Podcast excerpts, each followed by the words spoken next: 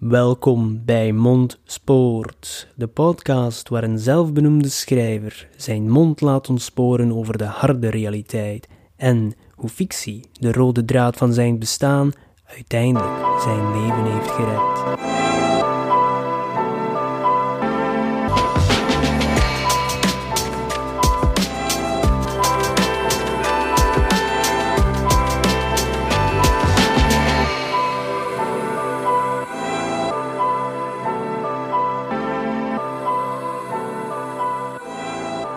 Hey iedereen, we zijn terug en met wij bedoel ik Said, eh, want het is een eenzame bedoeling, maar ik beeld me in dat ik nu tegen jullie aan het praten ben, of tegen u alleen, als ik zit ofwel in uw oor, in uw auto, ben je groenten aan het snijden, snij alsjeblieft niet je vinger, ben je aan het lopen of aan het wandelen, de garage aan het opkuisen en zo kunnen we doorgaan. In deze aflevering wil ik vooral praten over die rode draad, wat ik uh, in de intro vermeld. Dus in de intro vermeld ik dat ik mijn schrijfreis wil delen met jullie en hoe fictie de rode draad door mijn leven is. En in de vorige aflevering ben ik daar al iets op ingegaan, maar nu wil ik wat gaan praten over hoe fictie ons kan helpen omgaan met het echte leven. En vooral in mijn geval, ik spreek natuurlijk niet voor jullie, maar voor mij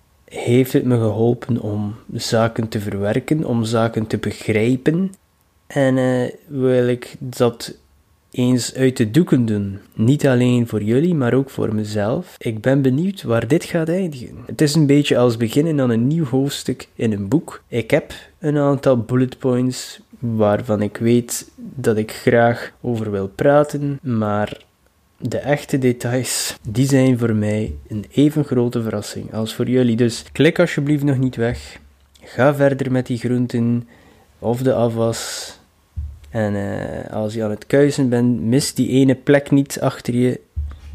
Grapje. Dus wat bedoel ik precies met de statement als ik zeg fictie kan ons helpen met het omgaan of met het verwerken van echte gebeurtenissen in ons leven. Het belangrijkste dat fictie mij geleerd heeft, is empathie. En dat is natuurlijk een grote troef als je zelf gaat schrijven, zelf dingen gaat creëren. Het inlevingsvermogen, het empathie, inleven in situatie en gevoelens van anderen, dat is iets wat dat in film, tv en boeken toch wel echt prachtig kan geportretteerd worden. Wat dat echt aan uw heartstrings trekt, wat echt uw emoties oproert. We zien allemaal zaken in het nieuws, dagelijkse lijden, miserie. Maar voor de meeste mensen, in de meeste gevallen, is dat een ver van je bedshow. En als het nieuws uitgezet wordt of de krant wordt dichtgevouwd, niet veel mensen gaan nog verder daaraan denken. En het is raar dat in mijn geval toch, ik weet niet of dat ik een enkele rare dude ben, maar het gebeurt vaak als ik een boek toesla of ik een film afzet, dat die nog verder leeft in mijn hoofd en dat ik daar nog vaak aan terugdenk, aan die personages en aan de gebeurtenissen. En dan af en toe stel je ook voor, hoe zou ik zelf reageren in die situatie of als dat zou gebeuren, wat zou mijn reactie zijn? Kan ik daarmee om? Er zijn zoveel zaken die heel mooi en deel daarvan kan de acteerprestaties zijn of de manier waarop iets geschreven is. Hoe meer fictie je consumeert, hoe meer dat ingeborduurd wordt in je wezen. Want je moet eerlijk zijn als mens.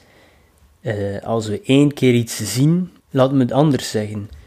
We weten uit onze, de meeste mensen uit onze opvoeding of uit onze educatie dat we moeten empathisch zijn, dat we moeten lief en vriendelijk zijn tegen mensen, dat we respect moeten hebben. Maar dat wordt ons gezegd. En wat ons gezegd wordt, ik heb daar moeite mee om dat op te volgen. Niet omdat ik niet wil, maar gewoon iets zeggen. Ja, daar, eigenlijk ben je daar niet veel mee. Je moet het tonen. En dat kunnen mensen zijn in uw omgeving die echt goed doen voor anderen zonder bijbedoeling en daar kun je heel veel uit leren. Maar spijt genoeg in veel mensen hun leven ontbreekt dat. En daar kan fictie een hele mooie, ik ga niet zeggen vervanging zijn, maar een mooie hulp om, te, om echt te gaan, ja, als je dat ziet, daar komt ook het principe show versus tell bij te kijken. Dat wil zeggen, voor de mensen die dat concept niet kennen, dat is je mag de lezer of de kijker niet vertellen wat er gaande is. Bijvoorbeeld, je mag niet zeggen: dit personage is bang, dit personage is boos. Nee, je moet tonen dat de personage bang is. Bibbert hij? Klappert hij met zijn tanden? Als hij boos is, worden zijn wangen rood? Uh, gaat hij op zijn tanden bijten? Begint hij zijn vuisten te ballen? En dat zijn allemaal dingen dat je kan tonen. Toch vooral in boekvorm. In film en tv is dat iets makkelijker, omdat je een acteur hebt die dat kan tonen. Maar in boeken gaan we dat zo proberen te portretteren. In plaats van te zeggen iemand is bang of boos of blij, gaan we de fysieke kenmerken proberen weer te geven die die emotie ja, weergeven. En hoe heb ik dat geleerd? Dat is door fictie te consumeren. Dus eigenlijk dus nu zitten we in zo'n rare Twilight Zone, Catch-22, hoe fictie mij geholpen heeft om empathisch te zijn en hoe ik er zaken kon uithalen om te gebruiken in het echte leven. En dan heeft het echte leven mij geholpen met het creëren van fictie. Dus kunnen we dan zeggen dat fictie de oorsprong is van alles? Toch bij mijn geval. En is dit dan wel echt?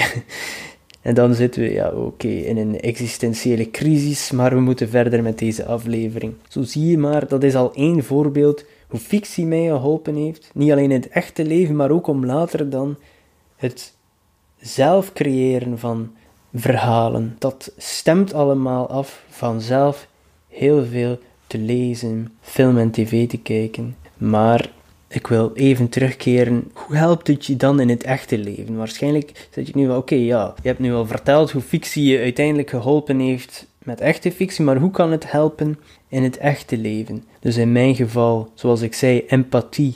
En ik heb heel veel film geconsumeerd. Dat is echt een van mijn grote passies en liefdes.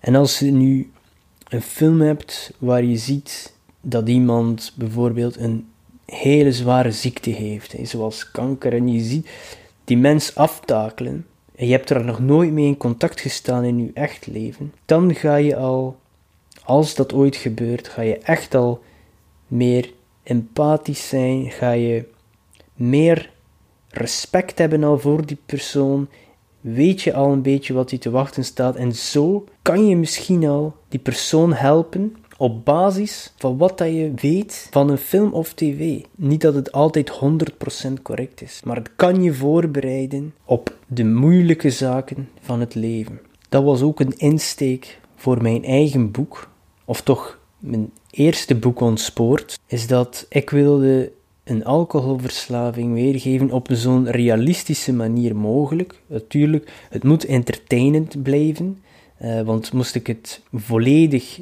losgaan en echt toon zoals het is, dan heb je een personage die op het einde nooit meer uit zijn bed komt. Zo heb je ook geen verhaal. Maar ik wilde eens de andere kant tonen vanuit het hoofd van de verslaafde en niet altijd van de mensen rondom hem. Omdat je dan ook veel focust op het negatieve en hoe kunnen die mensen daarbij blijven. En vaak zijn het dan ook het geweld die getoond wordt, een alcoholist die zijn vrouw of kinderen misbruikt. En oké, dat gebeurt ook en dat is heel erg, maar dat is al vaak getoond. En daar heb ik zelf geen ervaring mee, omdat ik zelf niet zo was. Dus ik wilde tonen hoe die obsessie in iemands hoofd afspeelde. En wat was mijn bedoeling daarbij? Ten eerste tonen dat het iedereen kan overkomen, en eh, dat het geen zwakte in karakter is. En dat het niet alleen zwaar is voor de mensen rondom hem, wat zeker waar is, maar voor de verslaafde zelf, want die leeft tenslotte 24 op 7 met zichzelf. En ook was mijn hoop dat mensen die dat lezen, die zelf nog nooit met een alcoholverslaafde in contact geweest zijn, of mensen die er wel al mee in contact gekomen zijn, om als die het lezen te zeggen van, hmm, misschien moet ik toch wat meer begrip hebben voor die mensen.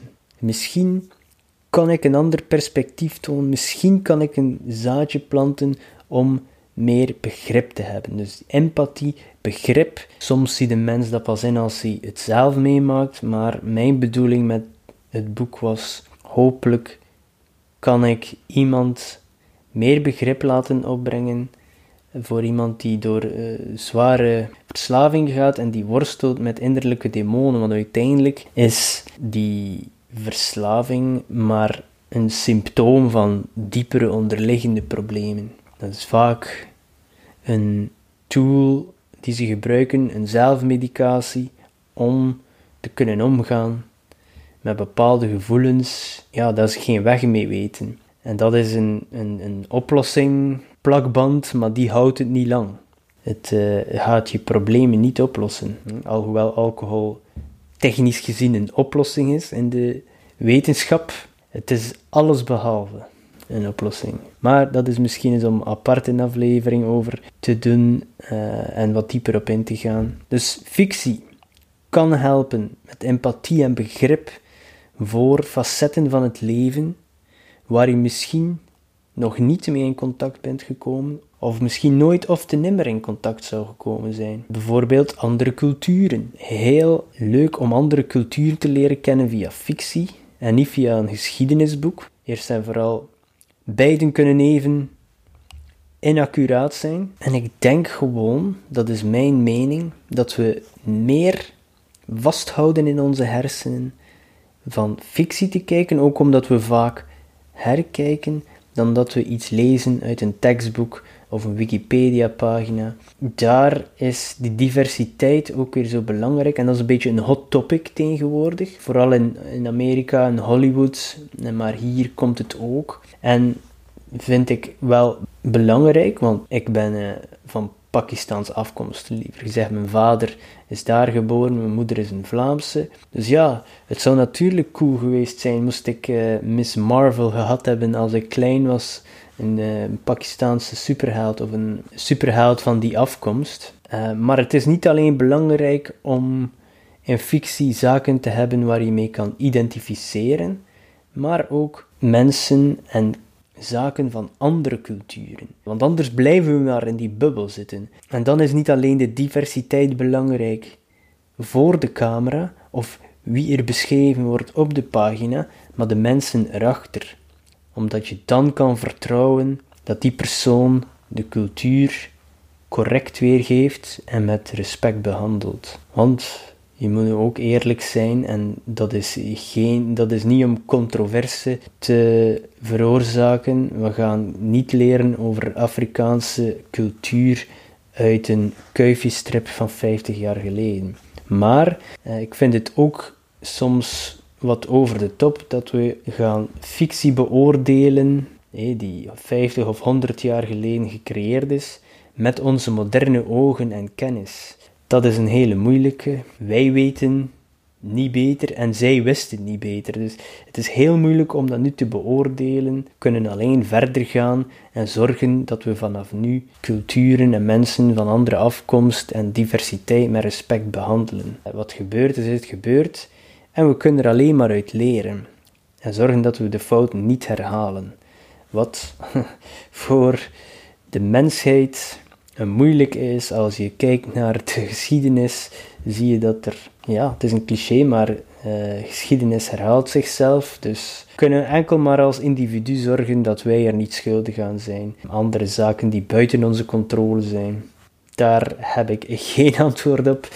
Uh, we gaan hier niet de wereldproblemen oplossen in deze podcast. Uh, we kunnen ze identificeren, maar oplossingen. Ik ben maar een kerel met wifi. Nog eens fictie. We kunnen ons identificeren met een personage, niet alleen de afkomst, maar ook de gebeurtenissen, de, de dingen, de zaken die een personage meemaakt. En dan mag die gelijk wel kleur zijn, welke afkomst. Er zijn bepaalde zaken dat elke mens doorgaat. Is het je hart die gebroken wordt? Zijn het ziektes? Is het geaardheid proberen uit te komen?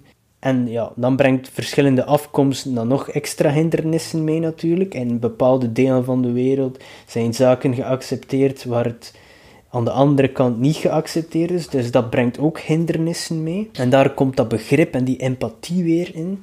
Als je ziet uh, welke hindernissen of door welke hoepels bepaalde mensen moeten gaan voor zaken die wij vanzelfsprekend vinden, dat is ook iets ja, die weer die empathie voedt. Hè. Empathie stopt niet, dat kan alleen maar groter worden. Hoe meer inlevingsvermogen je hebt om je in de schoenen van iemand anders te zetten, hoe beter je jezelf kan maken, maar ook de mensen rondom je. En voor mij heeft film en boeken mij daar enorm mee geholpen. Want bijvoorbeeld, zelfs al heb ik mensen in mijn omgeving die van een andere geaardheid zijn, ik zie nooit die struggle waar zij mee zitten. Ik zie nooit wat er achter hun gevel gebeurt.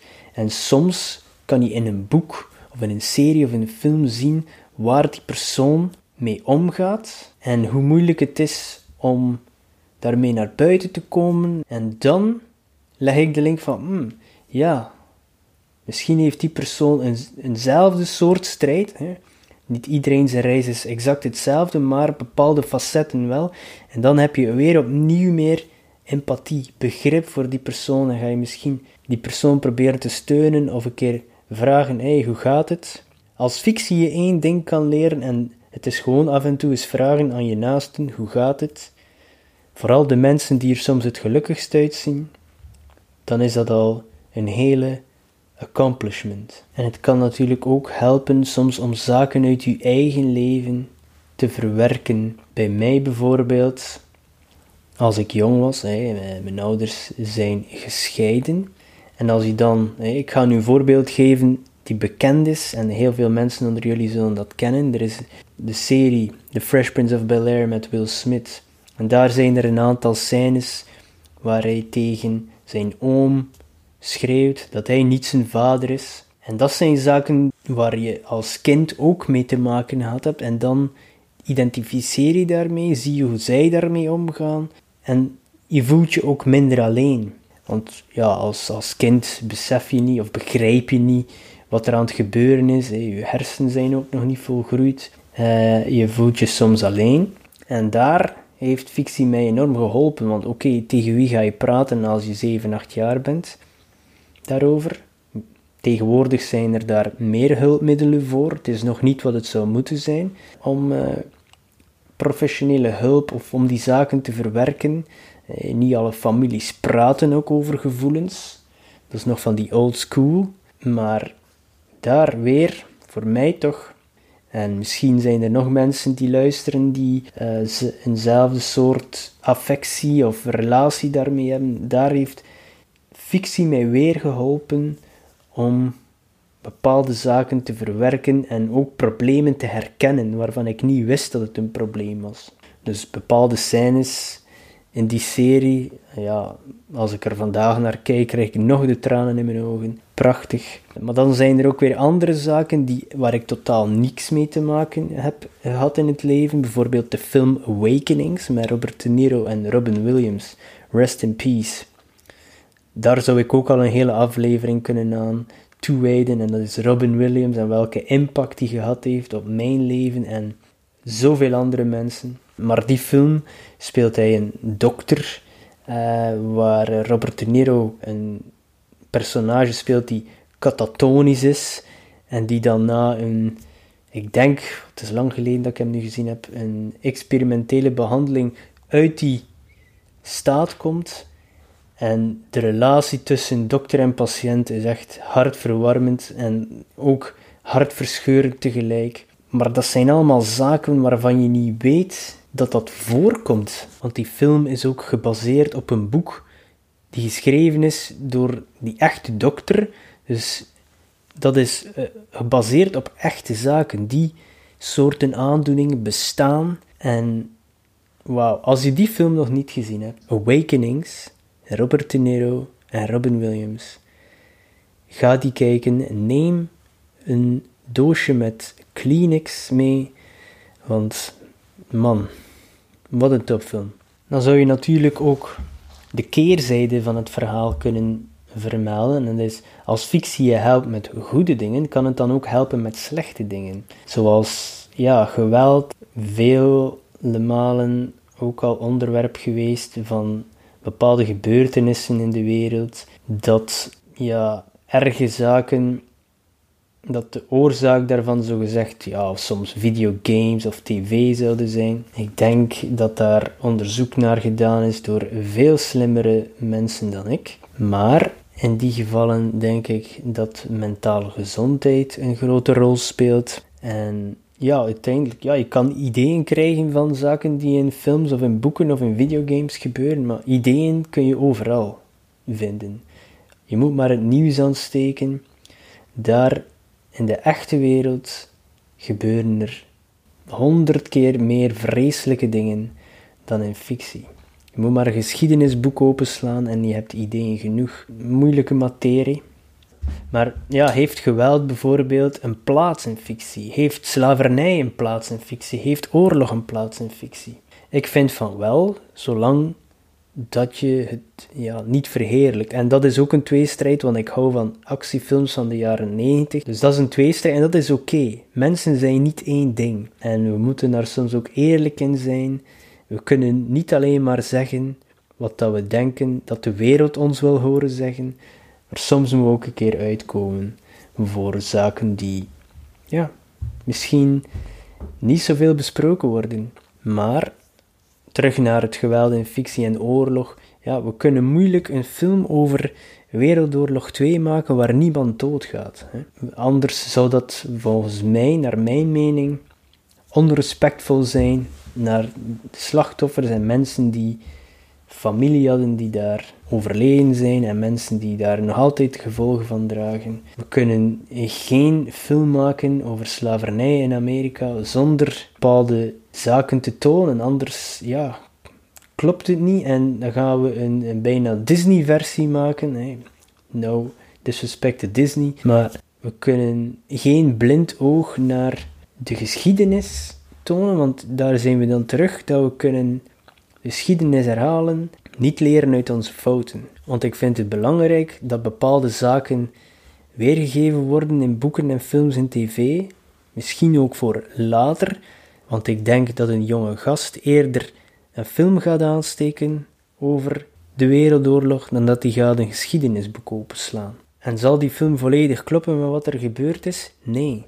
Maar van de tien jongeren die een film gaan bekijken, gaat er misschien één iets dieper op ingaan en opzoeken wat er echt gebeurd is. En als er tien mensen een film bekijken over slavernij, gaat er misschien één activist worden, politieker worden, om te zorgen dat dat niet meer gebeurt. Dat is misschien een beetje rooskleurig denken, maar ik geloof daarin. Niet meer kan ik daarover zeggen. En een van de laatste dingen die ik nog wilde vermelden of over praten, fictie kan ook helpen met perspectief.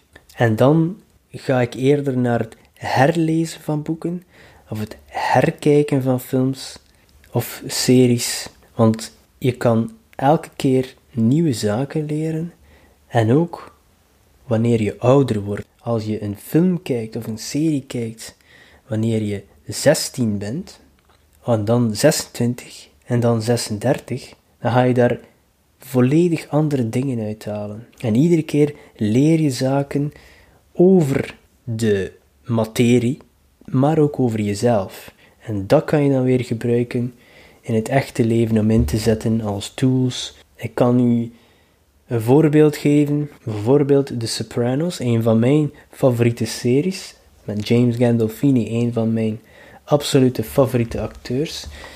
En rest in peace trouwens ook. Ik heb er nu al twee vermeld van mijn favoriete acteurs die er helaas niet meer zijn. Veel te vroeg van ons heen gegaan. De Sopranos bijvoorbeeld heb ik gekeken van het begin. Dat is begonnen in 1999.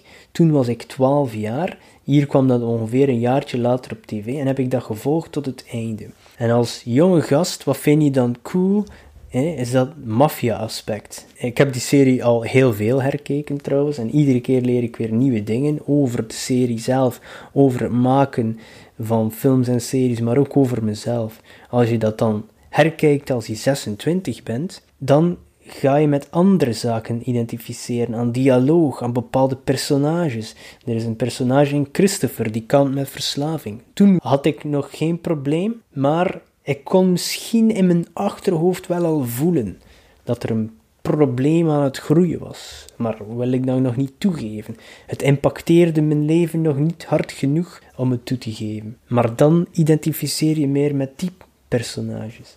En als ik dat nu herbekijk wanneer ik 4, 35 ben, dan identificeer ik meer met het familieaspect en het oudere aspect, want de serie gaat ook over de familie en over parenting, over ouderschap. En dan identificeer je daarmee. En in sommige films, sommige personages die je vroeger cool vond, zijn nu cringy of, ja, of vind je niet meer cool, omdat je ja, perspectief totaal veranderd is. En je wist nog niet dat dat perspectief veranderd was, maar door naar die film te kijken, door dat boek te lezen, besef je opeens, hm, ja, mijn perspectief is veranderd. Waar vroeger misschien de coole nonkel meer jouw ding was, is nu de papa en de mama van een kind veel dichter bij u. Het kan helpen met perspectief. Dus ik ben ook wel benieuwd wat dat jullie daarvan vinden.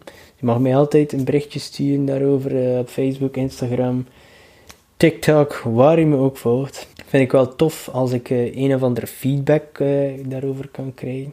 Of als ik niet de enige ben in de wereld. En het grappige is, uh, wat dat nu ook opeens nog in mijn gedachten springt. Het grappige is als ik series herbekijk, of films zoals The Goonies, andere, dat die kinderen altijd maar jonger en jonger lijken te worden. Een vreemd fenomeen. Zou dat kunnen te maken hebben met het feit dat ik alleen maar ouder word?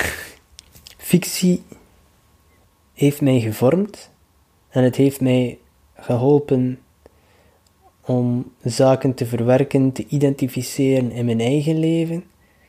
Het heeft me dan uiteindelijk geholpen om zelf fictie te creëren. Dus je kan wel afleiden dat het voor mij heel belangrijk was. Ze zeiden vroeger, als de tv nog maar opkwam, dat dat de jeugd ging verpesten en dat dat geen kunst was. Maar ik denk dat de huidige jeugd hier ook uit zal leren, zoals ik dat heb gedaan, uit mijn ervaringen, met het kwaad van toen. En uh, de een zijn pad is langer dan de andere, maar uiteindelijk komen we allemaal op de bestemming waarvoor we bestemd zijn. En uh, maybe I'm delusional en heb ik gewoon te veel tv gekeken. Wie zal het zeggen? Maar hier zal ik afsluiten, zoals altijd, lieve mensen. Tot volgende week en wees ondertussen niet te streng voor jezelf. Ciao.